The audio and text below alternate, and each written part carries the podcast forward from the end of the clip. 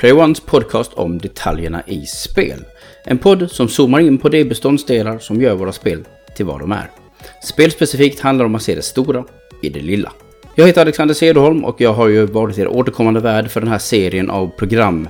Jag är också chefredaktör för spelsajten PlayOne.se. I spelspecifikt så kommer vi tala om en rad olika spelmekaniker, system, koncept, speldesigner och mycket mer. Här går vi lite mer på djupet. Ganska bokstavligt talat idag faktiskt. Tanken är att spelspecifikt ska vara runt en timme och lättsmält, även om ämnet kan vara lite svårtuggat. Men det är såklart alltid just ämnet som avgör hur lång konversationen blir. Nu är det så här att, då att när jag frågade runt efter gäster för några veckor sedan, eller till och med månader sedan, så hörde så folk, hörde folk av sig. Och jag har ju träffat så många nya människor i audioform i alla fall Eh, genom det. Och idag är det dags för ännu en ny röst, en ny bekantskap, en helt ny person. Jag kände inte till den här personen innan. Och det är alltid kul när folk bara vågar höra av sig helt plötsligt. Jag kände inte till hans podd heller. Han har en eh, spelpodd som heter Speldags. Och den var också ny för mig. Men ja, någons clout, eller brist på clout eventuellt, hindrar aldrig någon från att vara mer i, med i programmet. Så därmed välkomnar jag Andreas Folkov till programmet. Tack så mycket. Hej Andreas. Hej. Nej, precis. Det är skitkul. Som sagt, många nya röster och trevligheter som man har stött på liksom under, under det här halvåret skulle jag säga. Och nu får du sälla dig till den gruppen. Ja, vad roligt. Man måste ju chansa lite ibland. Man får ju det. Ja. vinner, eller så, vad är det man säger? Vågar man inget så vinner man inget. Nej, men precis. Exakt. Precis. Så nu får ju du berätta lite mer om vem du är. Vem är Andreas? Ja, eh, jag heter ju Andreas då och bor i Göteborg som ni kanske hör på min fantastiska dialekt. Eh, jag är 37 år och eh, ja, gillar tv-spel bland andra saker. Jag har ett litet barn och jag har en fru och jag tycker även om att träna på gym. Och jag har ju sedan två, tre månader tillbaka startat en egen podcast då, som heter Speldags. Som har blivit mitt eh, största intresse just nu i alla fall. Och eh, som även upptar merparten av min eh, fritid. jag lyssnade ju på första avsnittet för jag måste säga, vad, vad är detta? Jag har aldrig talat om detta. Nej. Och så satte jag igång den och så visade det sig precis att det är väldigt dokumentäriskt upplagt. Ja. Liksom, du har ju straight up skrivit ett jättemanus som du läser upp. Och det är ganska sällsynt i podd-Sverige att höra en sån podd. Så att uh, är man ute efter någonting lite mer annorlunda och unikt så tycker jag att man ska ge uh, Andreas podden en chans faktiskt. Ja men tack så mycket. Eh, jag, mm. jag, älskar ju själv podddokumentärer av alla dess slag och precis som du sa så kände jag att det fanns ingenting som just var för tv-spel där. Eh, så att eh, det finns ju en del såklart på YouTube och, eh, och så, mm. men då är det ju oftast på engelska och sådär. Så att jag kände mm. att nej men det här är någonting som, som jag tycker är spännande och intressant och som jag vill, som jag vill göra. Så jag, jag gör lite andra avsnitt också. Jag har också lite sådana här gästavsnitt med, med både bekanta men också med nya ansikten eller röster. mm. men det är just de här fakta eller de dokumentärliknande avsnitten som, som jag verkligen brinner för och som jag tycker är roligast att göra, även om de också samtidigt är mest tidskrävande både före och under och efter inspelningen. Vilka ämnen har du har passerat? Ja, jag har inte hunnit med så många just eh, faktaavsnitt. Eh, mitt första riktiga avsnitt som du hade lyssnat på där, det handlade ju om mm. eh, historien om Wii U. Nintendos eh, Wii U som är en väldigt eh, intressant maskin på, på många sätt och vis. Eh, sen har jag även tagit historien om Super Mario Bros 2. Ja, som, Duki Duki Panic. Exakt, precis. Prata lite om, om rötterna och det spelet som vi i väst fick som egentligen inte var ett Mario-spel och sådär för de som inte vet. Jag tycker dock jag tycker det är lite kul med just den här historiebiten. För att alla är från våran era, alltså vi som är lite 80-talister och så vidare. Mm. Vi läste samma tidningar. Vi mm. läste mm. Nintendo-magasinet och Superpower och Superplay. Och vi fick den här informationen matade till oss. Så att vi som kommer typ från den här kullen. Vi kan detta, vi vet detta. Det är Ja, så. det- Så det handlar mer om att ut, utbilda en yngre grupp med människor tror jag i det här fallet. Ja, eh, delvis, men ibland, jag kan själv eh, tänka precis så också, att så här, nej men det här vet ju alla, det här har alla koll på, liksom framförallt om man Mm. har det här särintresset som, som en eh, så pass stor hobby. Men det var faktiskt många som hörde av sig just efter Mario-avsnittet och, och berömde liksom att nej men den här Mm. delen av historien har jag inte hört. Och även om man kanske i runda slängar har hört det så fick jag Mm. med saker som var nytt och sådär. Så att, eh, Ja, du gick säkert in på djupet liksom. Ja, men precis. där, hur gamla var de som hörde av sig? Var de i vår ålderstigna ålder liksom? Ja, För jag, det- jag, jag är ju 41 liksom. Ja, men precis. Så att, eh, det, det var flera stycken som faktiskt var i, i våran ålder. eh, Ja, det så att, ja, så att det, det finns, alla är inte De så kanske in- inte inbitna som genom- du och jag. Ja, precis. De kanske inte var lika genomnördiga som vi var när vi var yngre. ja, jag hade ju det. faktiskt inte Nintendo-magasinet, så jag kände ju inte till Mm. den här historien förrän jag var i 20-årsåldern. Så att, eh, Nej, jag, så- jag, jag, jag skrev den här berättelsen i, på min gamla spelsajt Nintendo Net. Som var Nintendo, alltså den största oberoende Nintendo-sajten i Sverige Ja. i början av 2000-talet. Ja, Um, så det, det, var, det var min tur att förmedla vidare den informationen. Helt Ja. då. Men ibland så kan jag också tycka för egen del att, att höra, höra om någonting, även om man känner till det, kan vara Absolut. lika intressant och mysigt. För ofta så är det ju en annan take på det, eh, beroende på vem som Om man gillar historien. ett visst ämne så ibland vill man bara äta upp allting. Ja, exakt. Eh, Jag, jag känner igen det, jag känner igen det. Ja, nej, Innan vi går till ämnet, Ja. så jag bara tänkte som spelare, vem är du då? Vad, vad gillar du att spela? Jag är nog lite av en allätare. Jag tycker ju om allt som är bra eh, inom min definition av vad som är bra. Men jag har ju en förkärlek för plattformsspel, Metroidvanias och eh, JRPG. Det är väl mina Mhm. ömma punkter så sett. Men eh, det finns eh, i mitt game room som jag sitter i nu så är jag omgiven av eh, spel från nästan alla genrer skulle jag tro. Så att, eh, det är väldigt få genrer som jag inte, som jag liksom ogillar sådär. Men eh, det finns inte jättemånga racingspel här och det finns inte jättemånga sportspel. Men bortsett från det så gillar jag nog det mesta som, som sagt, som är bra liksom. Då vet vi lite mer om, om Andreas. Ja, Är du redo att bli våt, Andreas? jag är redo. Är du redo att djupdyka ner i veckans ämne? yes.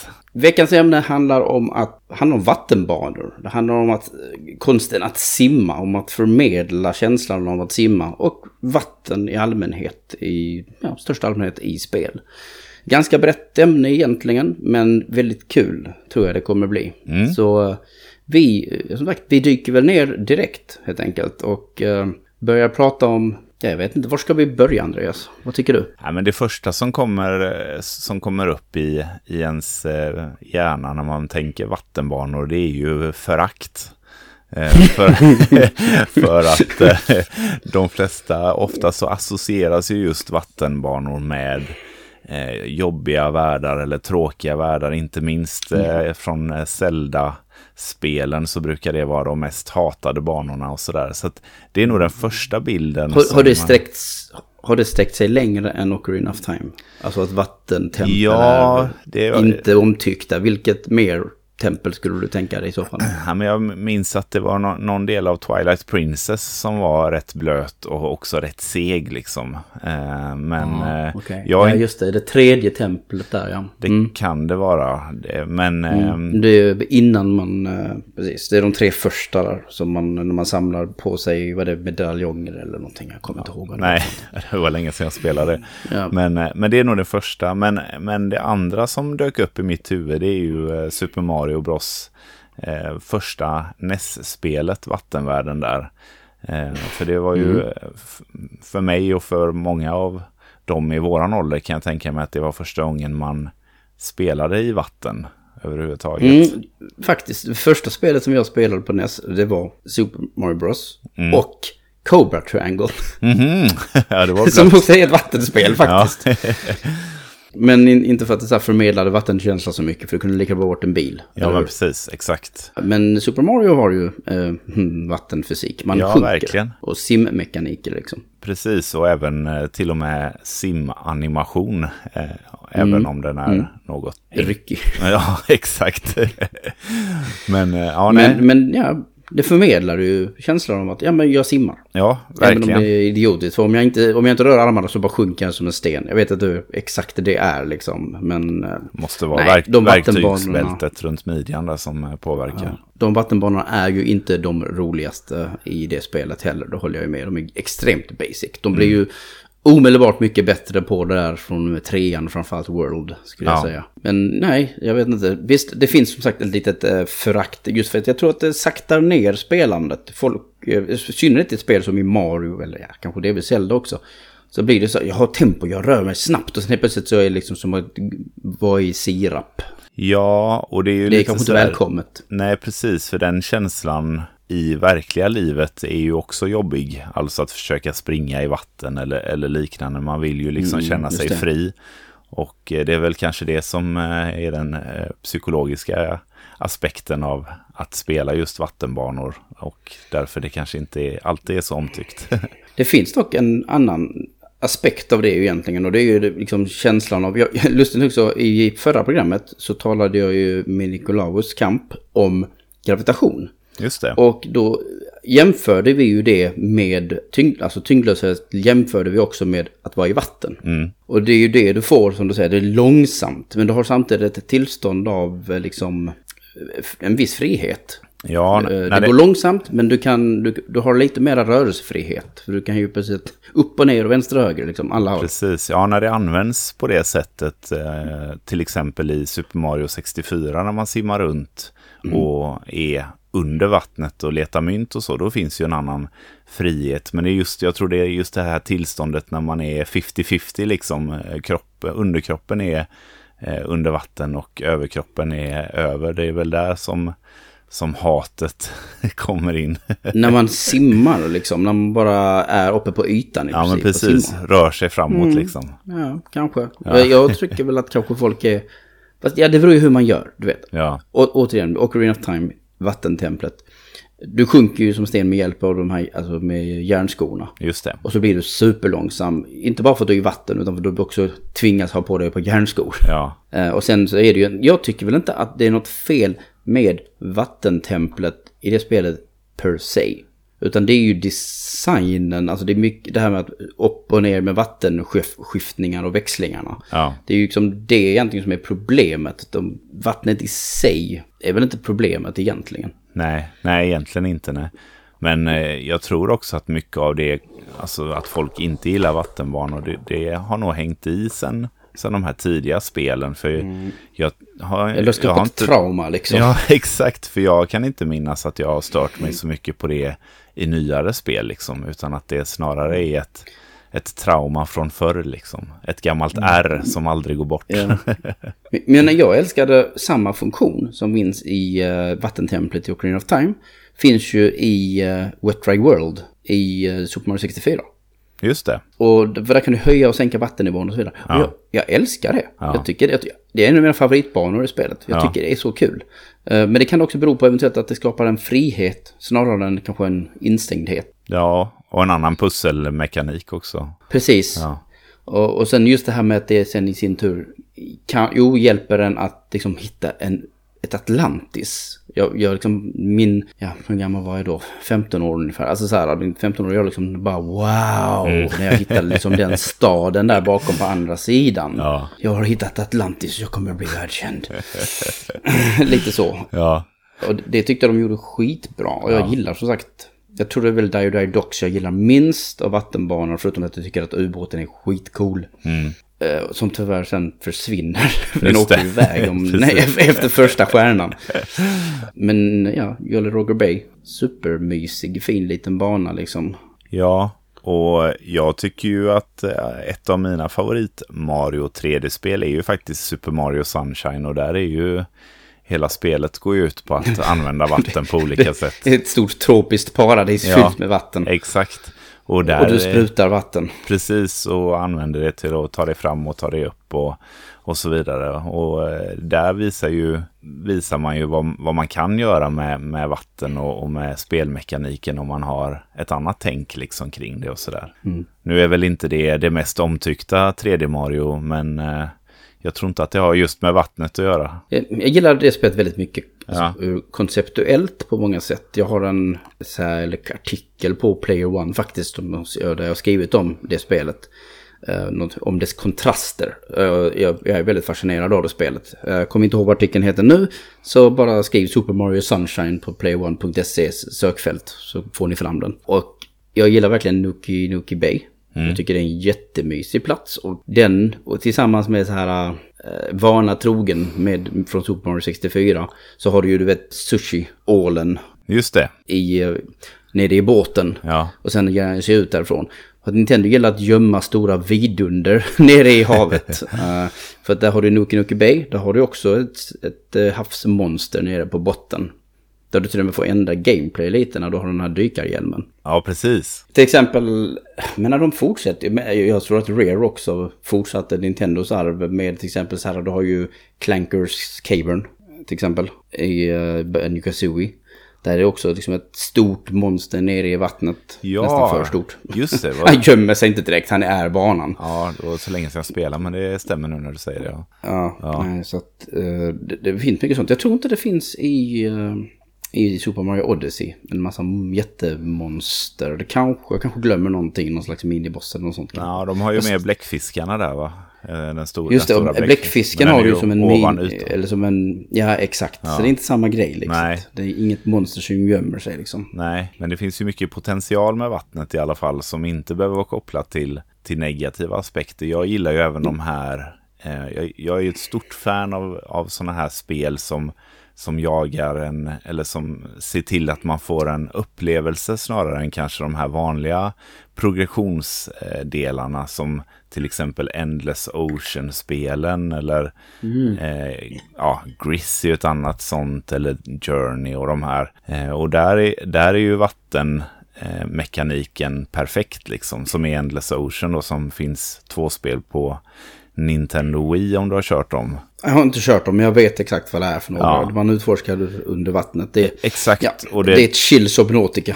Ja, exakt precis. För det är, spelet Eller går ju Absu. ut. Ja, exakt. Fast inte linjärt på samma Nej, sätt. utan det är lite mer fritt och det går mest ut på att eh, ha en trevlig upplevelse under vattnet liksom. Eh, och där eh, kommer man ju in på precis det som du pratade om förut med lite tyngdlöshet och frihet och, och sådär. Så att när det inte finns någon, någon, vad ska man säga, fiende eller någon, någon sån aspekt med så kan ju det vara fantastiskt liksom. Mm, absolut. Jag känner redan att vi börjar så här, positiviteten kommer fram. Vem vill prata om tråkigheter? Nej men precis. Nej, för liksom, det här programmet ska vara, som en, ska vara en hyllning till vatten eh, och vattenbanor. För att som sagt, även om det till viss del är en pina så liksom precis, vi bara får det ur vägen och så ska det här vara ett program om vattnets potential. Och jag känner att vi, vi är redan där nu. För att som sagt, jag tycker att det finns många vattenbanor som är jäkligt schyssta. Eller ögonblick i vatten i allmänhet. Men vatten kan vara ett väldigt bra sätt att visa hur teknik går framåt Mm, ja men precis. jagade länge den så looken som återigen, nu är, nu är jag här igen med Super Mario 64. Men jag tyckte det var så förbannat snyggt. Inte var nere i vattnet, men när man sprang på låg, alltså lågt vatten. Ja, Typ som på andra banan eller någonting liknande. Och så kommer det små droppar av vatten sprätte runt runt benen på en. Ingen gjorde så snyggt vatten nej. på den tiden. Jag menar, Rare är kända för att göra fantastiskt snygga spel. De gör också väldigt texturerade spel, väldigt detalj detaljerade spel när det kommer till texturer och sådär jämfört med Nintendo. Mm. Och när de gjorde så att man hoppar ner i vatten så blev det mer som att en, det kom en, eh, ja, en platt textur framför som bara, alltså plask, en frame eller Ja. någonting. Men det gjorde inte Nintendo. Nej. De hade någonting som lurade en att tro att det var faktiskt någonting som var animerat och droppade. Ja. Så- Det är mer levande. Ja, och- men är väldigt mycket le mer levande. Och Nintendo har ju visat gång på gång att de behärskar vatten. Men eh, Sunshine är ju ett ganska stort bevis på det. Gud, ja. Otroligt vackert. Tre lager med olika glittrande typer av vatten liksom ute Mm. vid havskusten och sådana här grejer. Men har du sett det, har du spelat det senaste Paper Mario? Eh, jag har spelat det men inte, jag har inte klarat det. Men jag har kommit ganska långt. Nej. Men eh, ori, Origami någonting. Jag kommer inte King. ihåg vad det. Origami King var det Ja. kanske. Ja. Och det hade också otroligt snygga vatteneffekter. Liksom, Nintendo bara sitter på någon sån liten, någon liten switch som ingen annan får lov att röra. som jobbar med deras konsoler känns det som. Ja, Uh, för de gör verkligen magi när det kommer till hur vatten ser ut på sin plattform. Ja, för jag tror det är lite hit or miss när det kommer till just vatten eftersom vi är ju alla väl medvetna om hur man både fungerar och hur saker och ting ser ut i vatten. Men samtidigt så är det ju ett, inte levande, men det är ju ett, ett element som, som rör sig och påverkas på ett helt annat sätt som jag kan tänka mig är ganska svårt att få till i programmering och animering och sådär. Mm. Så att, eh, Absolut. Det... Ja, det kan ju se ut som kvicksilver annars. Ja, men precis. Det gjorde det ju tidigare dagar. Och det vet jag, apropå det här med liksom att det är lite grann av ett test på den, hur långt man har kommit tekniskt, så minns jag när jag spelade det första Uncharted-spelet eh, på Playstation 3. Då var det vid något tillfälle när man mm. var i vatten och så kom man upp ur vattnet och då var fortfarande kläderna till viss del eh, nerblötta. Och det kommer ja, jag ihåg ja, att det var en sån jäkla mm. grym effekt för att liksom få ja, få känslan av att man har varit i vatten liksom och sådär. Mm. Alltså hela trean har ju båtbanan. Jag har inte spelat trean. Hela, jag har bara spelat det första. Tvåan, så, så, du, ja, så första? Första, ja, sorry. på Men i trean så har du ju liksom en stor båt mm. som fysiskt, som objekt, välter. Alltså tippar över i princip. Ja. Och du är i den. Långsamt. Ja. Och fylls på med vatten. Det är väldigt, det är väldigt imponerande liten fysikmotor som kör igång där. Ja, och jag minns även det kring just uh, Uncharted. Uh, nu kommer inte jag ihåg när det kom i förhållande till Playstation Vilket 3. Då? Det första Uncharted.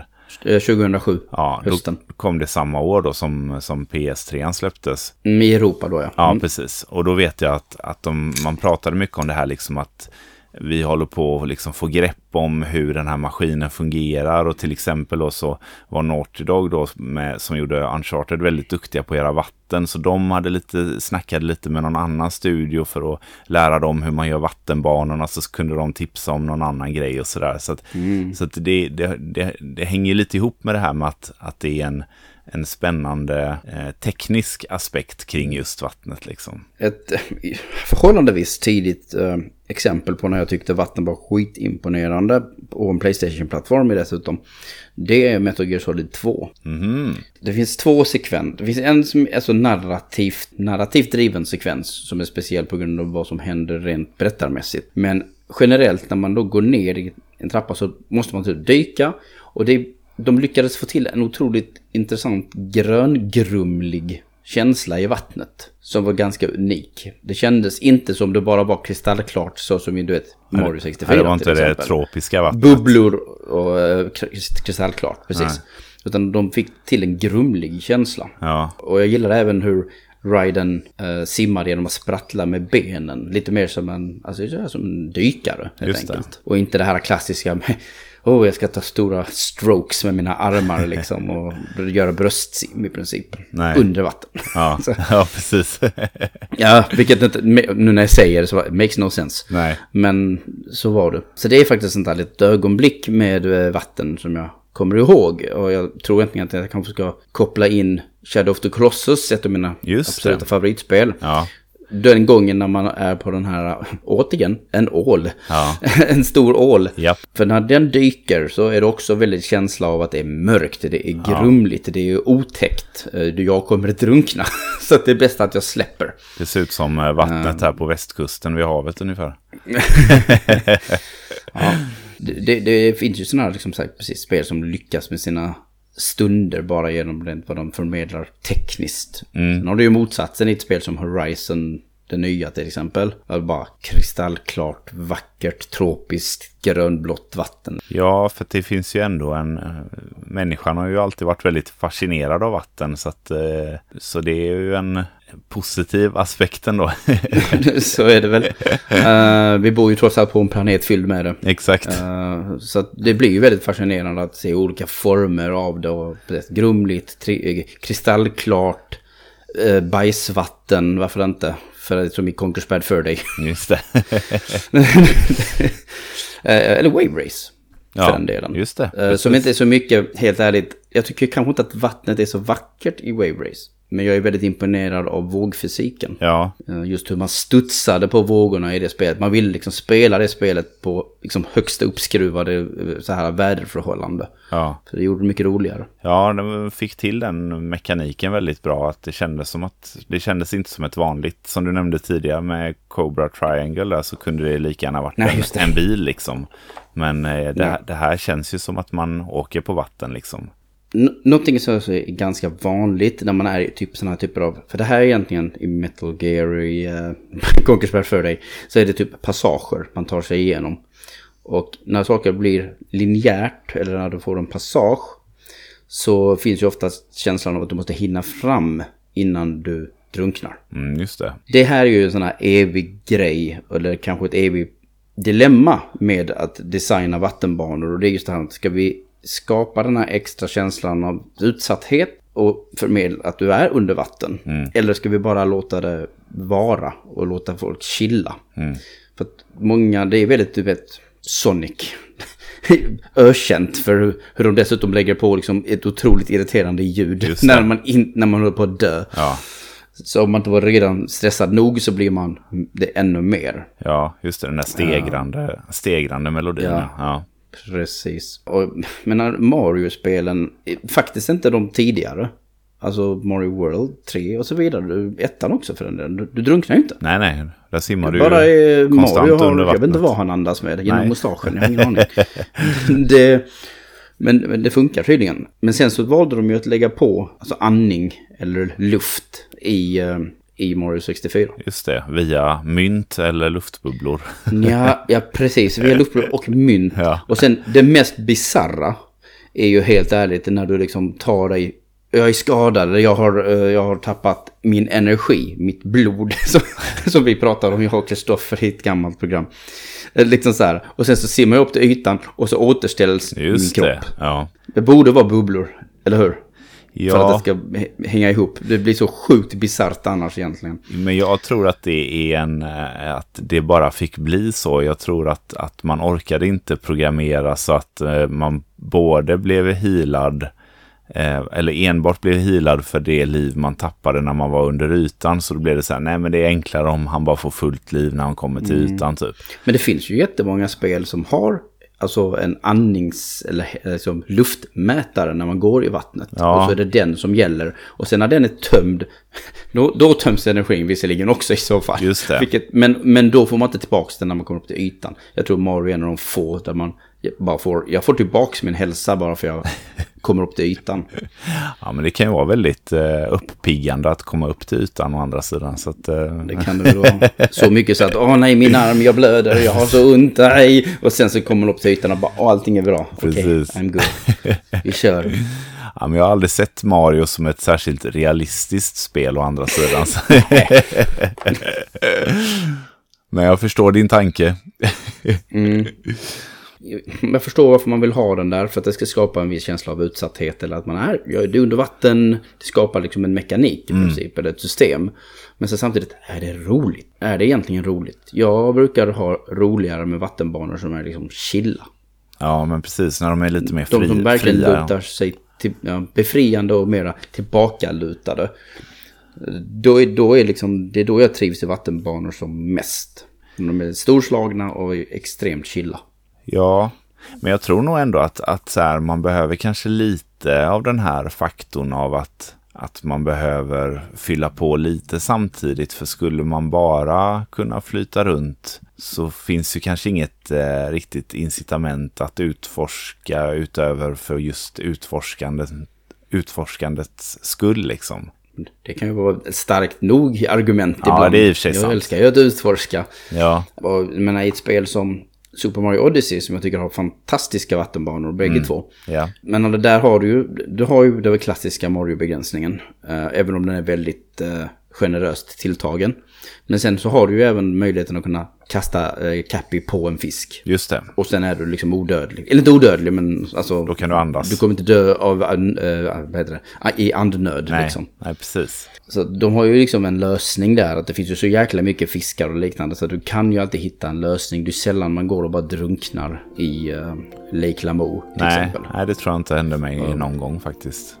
Nej, och Nej. Det, jag, som sagt, den banan älskar jag. Det är den mest freaking chill out-banan som Nintendo någonsin har gjort. Ja. Den, den riktigt mysiga musiken.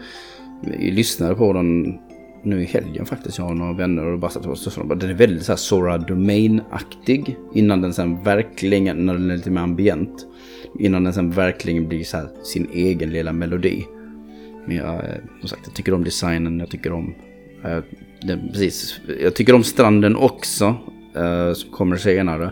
Men den är kul på, den är kul, den är mer rolig. Ja, medan den är lite mer fartfylld. är- Precis, Ja. och den har en jävligt rolig boss. Ja. Jag tycker också den här bläckfiskbossen är otroligt kul. Ja, Men eh, Lake Lamode är liksom en av mina här, favoritvattenbanor någonsin. Just för att den tillåter mig bara ta det lugnt och utforska i, i min takt i överlag. mm. Ja, men du kanske hade gillat de här eh, Endless Ocean-spelen på Wii. För de har ju just den aspekten liksom. Mm. Jag tror det handlar lite om eh, b- bandesign också. Mm. I det här fallet. Världsdesign. Att det ska vara intressant att utforska. Jag kanske inte bara vill scanna fiskar eller någonting liknande. Utan det, men alltså, Abso gör ju ett otroligt bra arbete med att skapa en sån här sense of wonder. Ja, jag har faktiskt inte spelat gånger? det. Eh, Men, Ah, eh, ja. men jag, inför det här programmet så, eh, så kollade jag lite på videos och sådär. Och det ser ju väldigt, väldigt snyggt ut. Mm. Men det är På- väl på en, sitt sätt. På sitt sätt, ja precis. Men där, där har vi väl mer av en så kallad walking simulator eller, eller hur man nu Ja, vill det, uttrycka det, det. det är tveklöst ett, det är ju ett journey. Ja. Så det är ju till och med gjort av ex-utvecklare av journey. Ja. Så Så där, det, det, där- det är inte konstigt. Nej, så man får, får ju en upplevelse snarare än liksom de här naturliga progressionsdelarna liksom. Bortsett från att det är väldigt mysigt och som sagt liksom, och samtidigt linjärt så är det liksom, det finns stunder då, åh här kommer ett stort, liksom ett stort eh, stim av fiskar som är superimponerande rent tekniskt hur Ja. mycket de då har som rör sig och runt om en. Eh, eller när man då till exempel simmar vid sidan av liksom, enorma valar. Och, sånt. och så musiken eh, blir i toppklass dessutom. Det är ju Aust- Austin eh, Wintory som gör den också. Precis som i Journey. Ja, okej. Ja. Så, ja, för eh, musiken i Journey det- är ju grym. Japp, Ja. samma kompositör. Ja, okej. Ja, det kanske jag får Lyssna på den. Ja, det ska jag. Det finns en låt. Det, det, den, det områdets eh, melodi står på egna fötter tycker jag. Den, Ja. kan, den kan jag lyssna på utanför spelet. Jag tycker det är så sjukt bra. Ja, vad häftigt. Ja, då får jag kolla in. Jag blir lite sugen på att kolla in spelet nu också, men eh, jag har ju bara... Det är ju kort. Det är ju bara två, tre timmar liksom. Ja, det finns väl på Switch också tror jag. Fast eh, jag vill ju Det gärna ha det nog. fysiska utgåvan och den eh, är ju en sån där begränsad. Ja, precis. Vi får väl se. Mm, ja. Det får vi egentligen tänka på lite om återigen, hur, hur är mu- musiken i... Vi har redan touchat lite på det. Musiken i vattenbanor Mm. är ju ganska chill och nice. De sticker ut lite. Mm. Oftast. Som jag sa, Lake Lamode har den här väldigt, nästan lite Soras Domain-aktiga... Jag vet inte, det är inte Calypso riktigt. För Nintendo älskar ju sin jäkla Calypso och Bossa Nova och så vidare. Men eh, de, det är inte där de är riktigt. Jag kan inte riktigt säga exakt vilken typ av musik det är när det är så här Soras Domain och då Lake Lamode och så vidare. Men, och sen då Abso. Exceptionell musik till och från i sina stunder. Ja. Jag gillar också, ja, men en sån enkel sak som Waverys intro. Det, det är inte så vattenaktigt, men jag vet inte, den skapar en känsla av eh, semester på något sätt. Ja. Tropiker. Det är lite samma med egentligen hela Super Mario Sunshine eh, soundtracket. Det är också Ja, väldigt så- så här bubbl, bubbligt och, och Ja. man blir nästan varm av att bara lyssna på det. Man liksom känner saltvattnet på underarmarna och, och solen i ansiktet och, och det här bubbliga, glada liksom. eh, Mm. Jag, jag älskar alltså eh, temalåten för eh, Il Delfino, Mm. liksom för staden. Mm. Den är ju så bra. Ja. Det, det är ju en sån där, en av de där, en, en vet, tidig modern Nintendo-låt som Ja. verkligen som bara fastnat i hjärnan. Men det, där, där, där är ett superbra exempel på när musiken gifter sig med med det visuella liksom. Det f- blir en förlängning av det man upplever och ser. Eh, Och det är ju Nintendo oftast eh, väldigt duktiga på faktiskt. Men eh, Det, det, är väl- det är väl lite med tropiker kanske i den känslan då. Liksom, då har du din Calypso och så vidare. Eh, Det är inte så mycket kanske det här chilla. Men Nej. det funkar. Det Ja, funkar ju. Det passar absolut. ju ändå. Så det, det håller jag ju med om. En annan häftig Men grej som jag du tycker är att Ja. vissa spel gör som till exempel The Messenger. Jag vet inte om de har spelat det. Eh, med, Eh, nej, Nej. Inte, inte fullt ut. Men där är det ju, det är ju ett eh, ganska klassiskt plattformsspel lite, med lite metroidvania influenser. Men där har de ju gjort en häftig grej att när man är under, hoppar ner och är under vatten så liksom ökar basen och allt annat minskar så att det verkligen ger Ja. den här känslan av att så musiken fortsätter exakt samma melodi men du plockar ner de andra registren, höjer upp basen precis som om du själv skulle lyssna på vatten under ytan liksom. Så det förmedlar Mm. väldigt väl den känslan av att vara under vatten för en liten stund liksom. Eh, och det tycker jag också är liksom ett eh, häftigt och eh, bra verktyg att, att förmedla den, den känslan på liksom. Jo, men jag håller med. Eh, jag tänker själv på till exempel så här Mario Kart 8. Mm. Har ju också ett eh, ställe, jag kommer inte ihåg vad den banan heter. Är det Dolphin Shoals till exempel? Eller någonting sånt. När du liksom är under vattnet så har du den här precis, den är lite mer bas och tystare. Nästan som var i rymden till Just det, exempel. ja precis. Och, och, och sen när du dyker upp så kommer musiken tillbaks. De Ja. gör också det jäkligt snyggt i luften också. Eller eh, på den här banan med luftskeppet. För när man då åker in i åskmolnet så ändrar de musiken också. det. Ja, det stämmer. Och det är också sjukt snyggt. Det är samma Ja, sak. Men, det är väldigt men effektfullt. Det är väldigt effektfullt. Mm. Jag- Och jag har, lagt, men jag har lagt det på minnet. Som, det måste ju ha fungerat i någon grad faktiskt.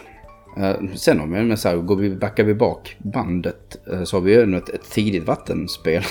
är ju Echo the Dolphin. Just det. Alltså till Mega Drive. Mega Drive, det är ja. ju ingenting annat. Det är ju, du spelar en delfin. Det är inte så mycket till valen att vara i vatten. Nej, Eh, och där är det ju, alltså, där gjorde de inte, det vet, det är ju tidigt spel, det finns inte så mycket fysik och grejer att jobba med men de gjorde ju så att du kunde i alla fall göra den här hoppa upp ur vattnet och dyka och dyka ner liksom och få den känslan. Lite så här, inte om du har du spelat Ori?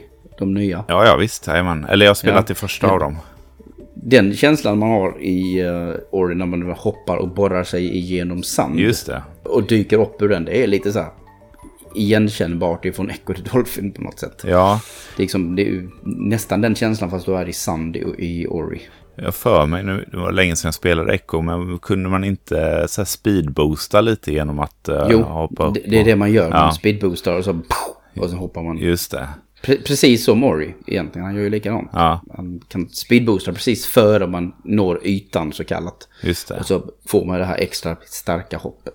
Och det är också så en jäkligt skön känsla. Ja, jag gillade Echo-spelen faktiskt. Eh, minns inte om det var tre stycken spel till, som kom till eh, Mega Drive. Eh, men jag har nog haft allihopa där för några år sedan. Men där var det också lite, inte riktigt som Endless Ocean, men det var också mycket fokus på att utforska och samla grejer och sådär liksom. Och där hade man väl kanske lite mer chill-aspekten i spelet än just eh, fartfyllt på det sättet. Jo men precis. Jag vet inte, det, det, som sagt det är något med vatten som antingen så, så lutar vi vattnet och så blir det liksom ett vattenfall eller en fors. Och då är det jäkligt spännande. Jag gillar verkligen egentligen spel som gör sånt med vatten. Mm. Alltså du vet bara en passage som är en fors eller Just någonting. det. Det. kan vara jäkligt spännande och häftigt. Eller otroligt eh, eh, makabert om man är Laura Croft i Tomb Raider. Just det. Men det finns ju där. Eh, och jag tycker det är ganska intressant. Men oftast är det vattenbanor eller vattenområden eller sånt. Det blir ofta så här i princip en komplexa labyrinter. eh, Man ska navigera igenom långsamt igenom områden. Eller så är det totalt vidöppna ytor. Det finns ju en del spel som verkligen leker med vatten som mer som en som, nästan som en hubbvärld eller en open world. Men tidigt exempel är ju Wind Waker. Just det, ju jag tänkte precis säga det. Ja, helt, helt öppen värld. ja. Eh, Där de valde att liksom göra, vi gör inte en, en värld du kan gå igenom som i Grand Theft Auto eller de tidigare Zelda-spelen. Eller något liknande, utan vi, vi gör ett hav. Mm. Och vad, vad tycker du om det? Alltså inte bara Wind Waker men Principen. just den här grejen att ja, liksom vatten och hav som en hubb. Är det intressant eller tycker du att det är kanske nästan lite, lite lättja? Nej men det kan nog vara lite både och tror jag. Jag tänker att det blir lite samma som, eh, som de här No Man's Sky och, och de här spelen som utspelar sig ute i rymden. Att, eh, jag tycker att, att det är ju något häftigt med den här, de här vidsträckta eh, ytorna och känslan av liksom eh, någon typ av oändlighet och sådär. Men det får ju också Eh, blandas med intressanta destinationer och, och eh, välfyllda eh, platser när man väl kommer fram till någonting. Så att det, det är nog en, en fin balansgång för att få det där att, och fungera fullt ut.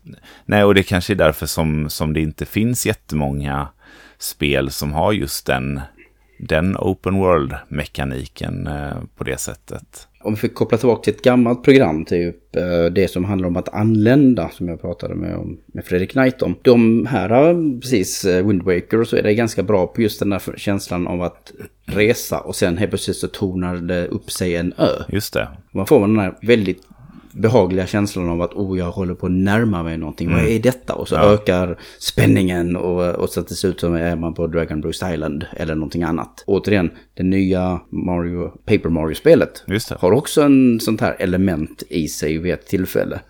Och som gör också en lite nyfiken faktiskt. Så att det tycker jag absolut att det funkar. Men det nya God of War har ju också en, hubben är ju också till stor del ett, ett hav. Eller jag vet inte, stor jättesjö. Jag vet inte vad jag ska kalla det egentligen. Men den är lite sådär, inte jättespännande ska jag nog säga egentligen. Jag önskar att de kanske gjorde någonting mer med den miljön. Även om det finns en enorm Midgårdsorm i den. Det är ju helt klart imponerande. Men det är fortfarande inte så gameplaymässigt spännande. Nej, för man måste väl känna någonstans att man, man gör man kommer någonstans eller att man gör någon upptäckt och, och sådär liksom att det här leder en någonstans. Det, det är ju fint att det, att det är fyllt av samma eller inget eller hur man nu vill uttrycka det så länge man vet att när det väl, när jag når en destination så är det vänta något magiskt liksom. Eh, och det är väl som sagt en, en, en fin balansgång där att få till just den, den känslan då. Ett kanonspel i största allmänhet. Men som gör vatten och öpp- öppna va- vattenytor är ju Bowsers Fury. Mm, ja, verkligen. De lyckades att göra vatten, att, precis, att göra liksom vatten som hubb jättebra. Just för att de låter Plessy sitta och vänta på dig överallt. Du kan vara högt uppe på ett, alltså en annan, en, du vet på en ö, uppe på ett torn. Och du kan titta ner och så ser du att Plessy sitter där, ligger där nere Ja. i vattnet och väntar på dig. Så jag bara, ja men då hoppar jag. Ja. Och så vet jag att jag blir upplockad. För det kommer aldrig vara långsamt. Nej. Det kommer aldrig att bara behöva simma. För Plessy kommer till undsättning. Ja, men precis. Och det är jäkligt smart av dem. Det är liksom som att en Epona bara frammanas ur vattnet liksom. Medan Epona tyvärr måste komma springandes. Just det. Och kan fastna.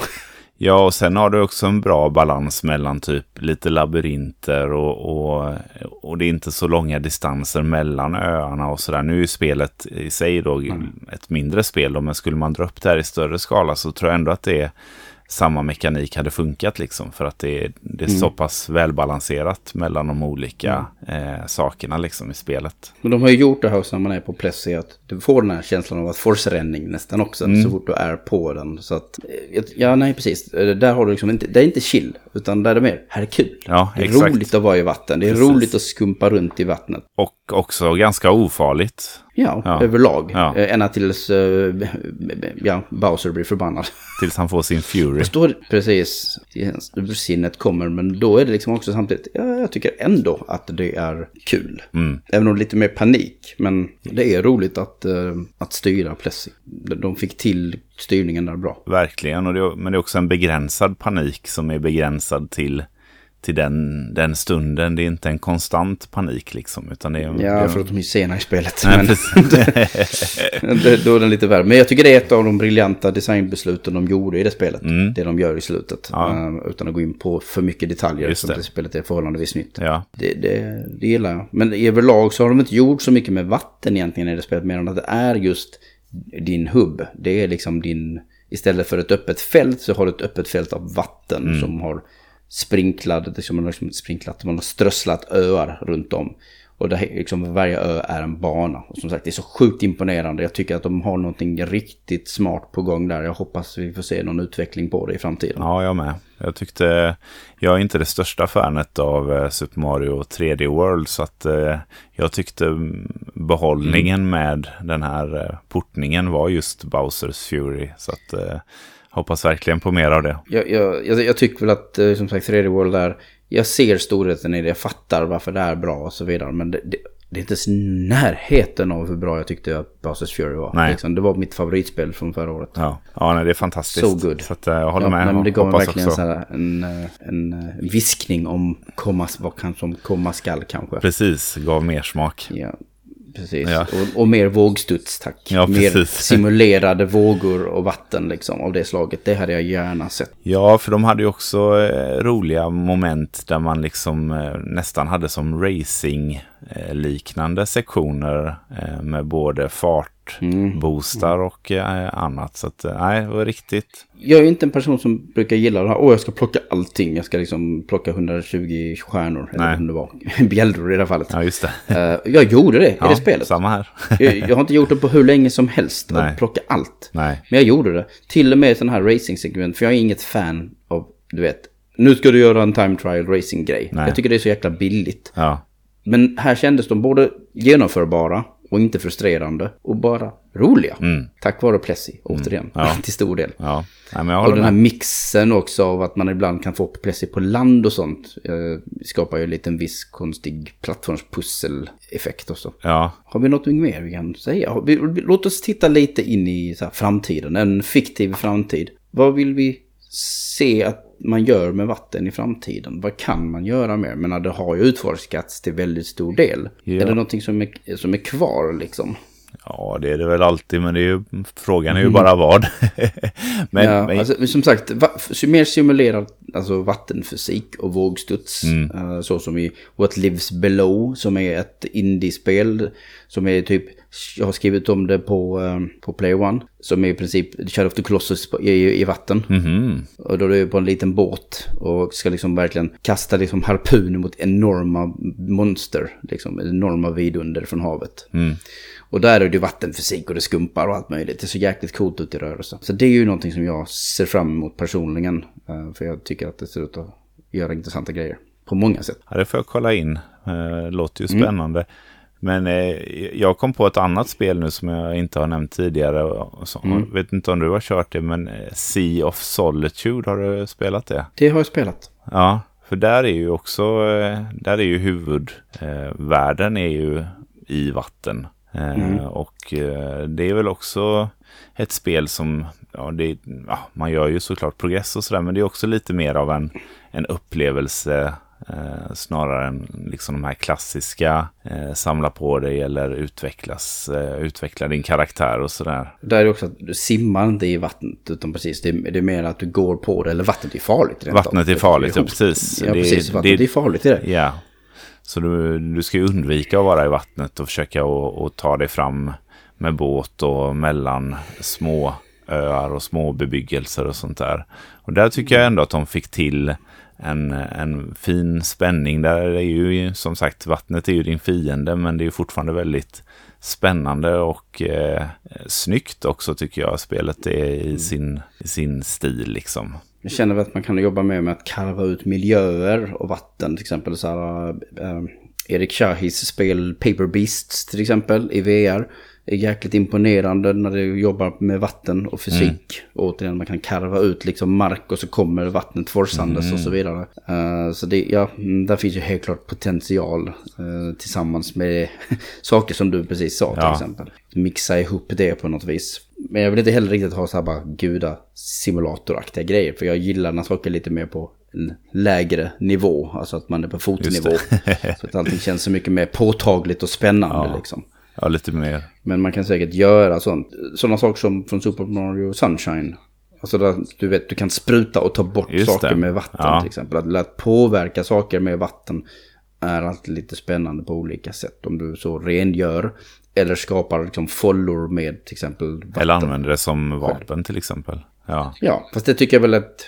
Ja, då, då ska det vara som att det känns som att det är vatten på något vis. Och inte bara ersatts av- istället för en kula eller Nej. eld. Det ska liksom upplevas som att det blir en pöl kanske som får en effekt. ja, precis. Det, det hänger Det är väl... väl vad, jag hade velat Ja, haft. jo men precis. Det får ju vara intressant också i förhållande till vad som är fienden eller objektet som man använder vapnet emot. Liksom. Kanske bara köra lite liksom waterbending. Mm, ja, precis. Varför inte? Ja men precis, det finns ju hur många möjligheter som helst att använda det offensivt. Och du kan få det att se coolt ut om du bara gör det Mm. på rätt vis. Men jag hade annars, jag hade gärna Mm. sett, eh, eh, det var något av det första jag kom att tänka på när, när du och jag skrev lite kring det här avsnittet. Det var ju den här filmen från, eh, om den är från 95 kanske, med Kevin Costner, Waterworld. Waterworld. Ja. och, och jag hade gärna sett ett eh, spel eh, enligt de premisserna där man kanske är på en vattenfylld värld och utforskar Mm. eh, livet där under och, och, och sådär. Det är ju så här Subnautica och så vidare. Ja, men kanske mer i, i förhåll, mer som ett typ eh, JRPG eller något liknande där man liksom Okej. eh, Ja, ja. eh, förflyttar sig på en värld och eh, besöker någon undervattensstad eller sådär. Eller varför inte som Mm. Atlantis, Disney Treasure Planet, Atlantis. Men något Atlantis-aktigt Mm. Ja, spel. nej, Varför men inte? precis. Det låter väl som en god idé tycker jag. Jag har ju sagt detta innan, men jag, jag gillar ju också som sagt alltså, katastroffilmer Mm. och spel. Eh, när saker händer, liksom naturkatastrofer. Och men då kan du, du kan ha översvämningar, du kan ha jättevågor. Eh, men med dagens fysik så kan ju sånt se våldsamt imponerande ut. Tänk dig liksom att så här komma, nu är detta en skriptad sekvens ungefär, men bara tänk dig att du kommer ut på ett hustak eller någonting. Och då liksom den här jättevågen kommer och, och slår in i staden till exempel. Och du ser det simulerat liksom att byggnader bara rasar ihop och rätt ner i havet och så vidare. Och sen så får du gå ner på en, en lägre nivå såklart också så att det känns väldigt, du känner dig utsatt också. Men du, du har ju sagt jättevågor, långsamma översvämningar till exempel. Det, det sånt tycker jag kan vara ja, intressant. verkligen. att Utforska Ja. mer. Ja, men att det blir som, en, eh, som ett aktivt, eh, som att det, ja men hot. precis, mer Nästan. aktivt än, än just att det bara är där. Det, det finns potential. Det finns potential i vatten. Det var ju det vi sa i början av programmet. Vi ska hitta vattnets potential. Men när, när vi började programmet så var det så här liksom att, alltså okej, finns det ett skäl till att våra ur, ur, ur, ur, ur, ur, urgamla förfäder lämnade havet långt bakom sig en gång i tiden? Eller finns det faktiskt hopp för att vi använder vatten fortfarande och kan finna glädje i det? Och det tycker jag väl att vi har gjort i, i dagens program. Ja, vi har krossat myten om att eh, vatten eh, enbart är negativt. Är bara till ja, undo. Precis. Ja, precis. Ja, men det är bra. Det är bra jobbat, ja, men Andreas. samma. Virtuell handskakning. Ja, High five. Och därmed så avslutar vi veckans ämne. Vi har tagit upp på torra land igen. Vi ruskar av oss. Och eh, så ska vi prata om två detaljer. Eh, De här liksom små detaljerna i spel som vi inte riktigt har tid att skriva och prata om i vanliga fall. Men som jag tycker är värda att ge lite kärlek. Så att eh, jag tänkte att jag kan börja. Jag kan börja. Min, det är nog första gången som jag går utanför spelens värld på något vis. Jag kommer inte prata om en faktisk spelmekanik eller system. Utan det råkar ju vara så att vi har ju haft E3-perioden inom citationstecken just, nu. Och jag vill bara liksom kasta iväg en liten eloge kanske till, till framförallt Microsoft och Xbox. eh, För att de körde igång Xbox Game Fest precis som de gjorde förra året. Där de bara kastar ut 30 demos. Och menar, jag tycker att det är ett superkul sätt att liksom framförallt känna känslan av E3. och Att, eh, nu, nu är det ju inte E3. Nej. Men på något sätt att, åh men eh, är det inte bara spelpressen eller någon liknande som får lov att titta på sakerna. Utan vi får också Ja, ta man är del av det. delaktig, ja.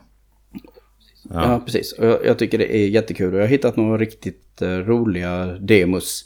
Men som jag, som sagt, de är tyvärr bortplockade nu. De var där en tid. Men jag vet inte, eh, Terror of Himasaurus är ju ett väldigt lovande Rampage-eskt spel. Som jag nog kommer att titta närmare på när det väl kommer. Och sen Spider Heck var eh, någonting, typ ett riktigt roligt multiplayer-spel med vapenbestyckade spindlar i, med väldigt avancerad fysikmotor kan man säga, när man slänger sig runt och så vidare. Det låter spännande. Så, ja, men det är kul. Och Vet du vad? Ja, nu har vi ju pratat och för första gången någonsin så kommer jag att avslöja ditt ämne. Men där finns även en demo på Endlings. Ja, vad roligt. Och då kommer vi in i ditt, din detalj. Ja, ja och det är ju just eh, som man gör i Endlings, att spela som en räv. mm. Jag ska faktiskt recensera det för Player One, det bestämdes idag. Jaha, vad roligt. Jag tycker det ser eh, väldigt eh, intressant ut. Ja, mysigt och kul. Jag gillar ju lite sådana här upplevelsespel och eh, det finns ju flertalet nu faktiskt där man spelar som en räv. Eh, och eh, ja, jag tycker att det är ett, ett kul sätt att eh, utforska ett spel genom en annan karaktär än just en människa eller människoliknande varelse liksom. Absolut. Men då, då måste jag höra, jag har inte koll på alla rävar. Jag har inte gått in i spelräv-wikin och kollat upp vad som existerar. Så du får Nej. gärna dra lite exempel. Så ja, får jag höra. Jag har väl inte så jättemånga, men det finns ju det här spelet som heter The First Tree. Som är mm. ett uh, Journey-liknande spel då där man, ens huvudkaraktär är just en räv som är både mm. väldigt snyggt och väldigt mysig upplevelse tycker jag. Sen finns det ett annat spel som heter North Spirit. Som, just det. Ja, som även mm. det är ja, med en räv då i, i huvudrollen. Eh, och sen fuskar jag lite och säger att, eh, säger även Okami. Där är man ju förvisso inte en räv då, men, mm, men mm. man är ju en fyrbent rävkompis. Så att mm. Eh, men det är väl de jag kommer på på rak arm utöver det här nya Endlings då. Ja, precis. Nej, men det ser väl ganska spännande ut. Så vi får ju se om de lyckas, om det blir ett uh, intressant spel i slutändan. Ja, det kräver ju lite när man gör den typen av spel. Men, men jag gillar också det här spel som har på, när man är på fyra fötter till exempel. Jag känner mm. alltid att jag vill spela sådana spel, alla lyckas inte. Jag tror att det här nya Nintendo-spelet, eller Nintendo är det ju inte, uh, men det kom på Nintendo Directen, det här uh, Blanc. Just det, precis. Var det inte exakt. en räv där också?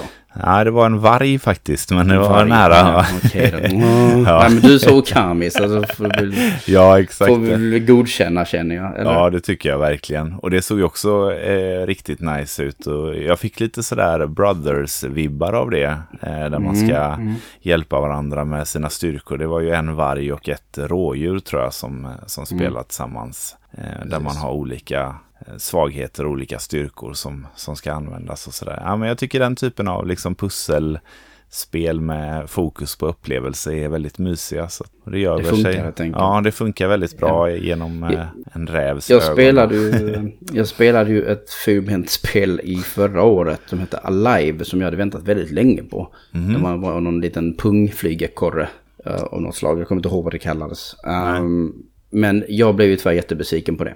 Ja, vad tråkigt. Det var verkligen utspelade, utspelade sig i en slags apokalyp, ja, apokalypsen i princip. Liksom, världen, har in, världen har inte gått under, människan har gått under. Mm. Djuren lever. Väldigt intressant, så här konstig sci-fi inramning på det spelet egentligen. Spelmekaniskt så var det inte så jäkla spännande och dessutom var det extremt buggigt i början. Det, det, det försvann, men ja. ja, tyvärr. Så att allt, det går inte alltid igenom alla gånger tyvärr. Nej, jag tror väl att i vissa spel har nog en högre eh, ratio av hit or miss. Eller vissa mm. spelgenrer, eller hur man nu vill uttrycka det. Det krävs något extra för att göra en sån upplevelse riktigt bra. Liksom. Sen måste jag ju bara fråga, jag menar, varför rävar? Ja, men jag gillar rävar också. Jag vet inte riktigt varför, men... Mm. men eh, vackra djur. Ja, precis. Och, Sticker ut liksom som guld i skogen. Ja, och jag blir alltid glad när jag ser en räv liksom när man är ute och promenerar eller sådär. Vi har mycket, vi har ett sommarställe mm. på Gotland och där har vi oftast rävar på besök i trädgården och sådär. Så okay. att, eh, ja, det, är, det, finns ju en hel del eh, japansk lore kring de här flersvansade rävarna. Eh, mm, och, och sådär. Så att, äh, men det är ett spännande djur bara. Ja, men jag förstår. Jag ville bara ha lite avslut på den. Jag bara säger att det måste finnas en anledning. Ja, men precis. Ja, det är en väldigt specifikt djur att bara dra upp sådär. Ja, men eh, vi är också spelspecifika idag. Det är vi ju. Det är vi ju. All right. Tack så hemskt mycket för den här konversationen, Andreas. Ja, men tack själv. Vi jag, precis. Jag heter Alexander och jag skriver ju för och driver spelsajten playone.se. Ni hittar alla våra sociala medier på playone.se. Det är lättast kanske, istället för att jag drar en massa olika länkar och skit i min mun. Och som sagt, det är ju playerone.se som vi då heter. Är det så att man vill följa mig privat på Twitter och bara se vad jag skriver om eller jag skriver mycket om spel specifikt men jag, det kommer upp andra nördigheter ibland och en eh, fredagsdrink då och då. Då är det dogma understreck. Var hittar man dig Andreas? Man hittar mig främst egentligen på Instagram när det kommer till sociala medier under mm. speldags. Eh, men jag har också ett privat, eller inte ett privat konto, men ett eh, eget tv-spelskonto som heter Nintendo Collects. Nintendo Collects. Precis, som Nintendo, okay. fast mm, mm, mm, Nintendo. Eh, yes. Och podden finns där alla poddar finns under speldags. Speldags. Yes. Mm, ge den en chans. Ja. Snart tar ju eh, spelspecifikt paus. Så kan ni väl lyssna i kapp på speldags istället. Precis, det tycker jag. mm. Vårt intro och outro-programmet är ju gjort av Dominic Ninmark som har gjort spelmusik åt spel som Striker Sisters, Rival Megagun, Mighty Goose och Blazing Chrome. Dominic hittar ni på YouTube som Dominic Ninmark och på Twitter som Dominic-Ninmark. Och tack till alla som lyssnar på Spelspecifikt och vår podcastfeed Player One presenterar finns just nu i valfri podcastspelare nära dig. För precis, det heter inte spelspecifikt utan det är Play One presenterar för vi vill lägga in lite andra grejer och i sommar kanske det kommer lite andra grejer medan spelspecifikt är på paus. Vi ska ju nämligen ha en liten meetup, hela redaktionen i julis slut och då tänkte jag att jag skulle försöka få dem att sätta sig framför micken och prata lite om andra grejer. Så vi får se. Vi håller tummarna och därför ska du nog följa Player One presenterar på Apple Music och Spotify och alla andra ställen ni är på. Klicka på den där prenumerera-knappen såklart så att ni är redo för nästa säsong. Och som sagt, gillar ni vad ni lyssnar på så ska ni såklart även smälla in ett betyg för att hjälpa oss att bygga popularitet. Och sen fortsätter jag med den öppna inbjudan till programmet. Det som gjorde så att Andreas här valde att komma in helt enkelt, eller komma på besök. Så har du ett eh, bubblande behov av att få ventilera dig om spel, då tycker jag du ska anmäla intresse och medverka i programmet helt enkelt. Eh, alla snacksugna med en vettig mikrofon är välkomna till Spelsförsikt och prata med mig om alla möjliga ämnen. Mina DM på Twitter är öppna och det var ju då att dogma understreck.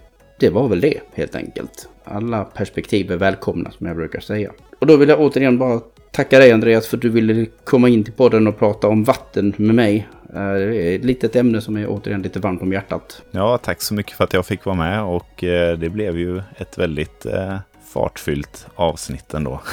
det blev ju det. Det var ju en långt ifrån urvattnad konversation. Precis. och med de orden så tackar jag Andreas för att du medverkar och vi hörs igen nästa vecka kära vänner. Och till dess, glöm aldrig att se och uppskatta det stora i det lilla.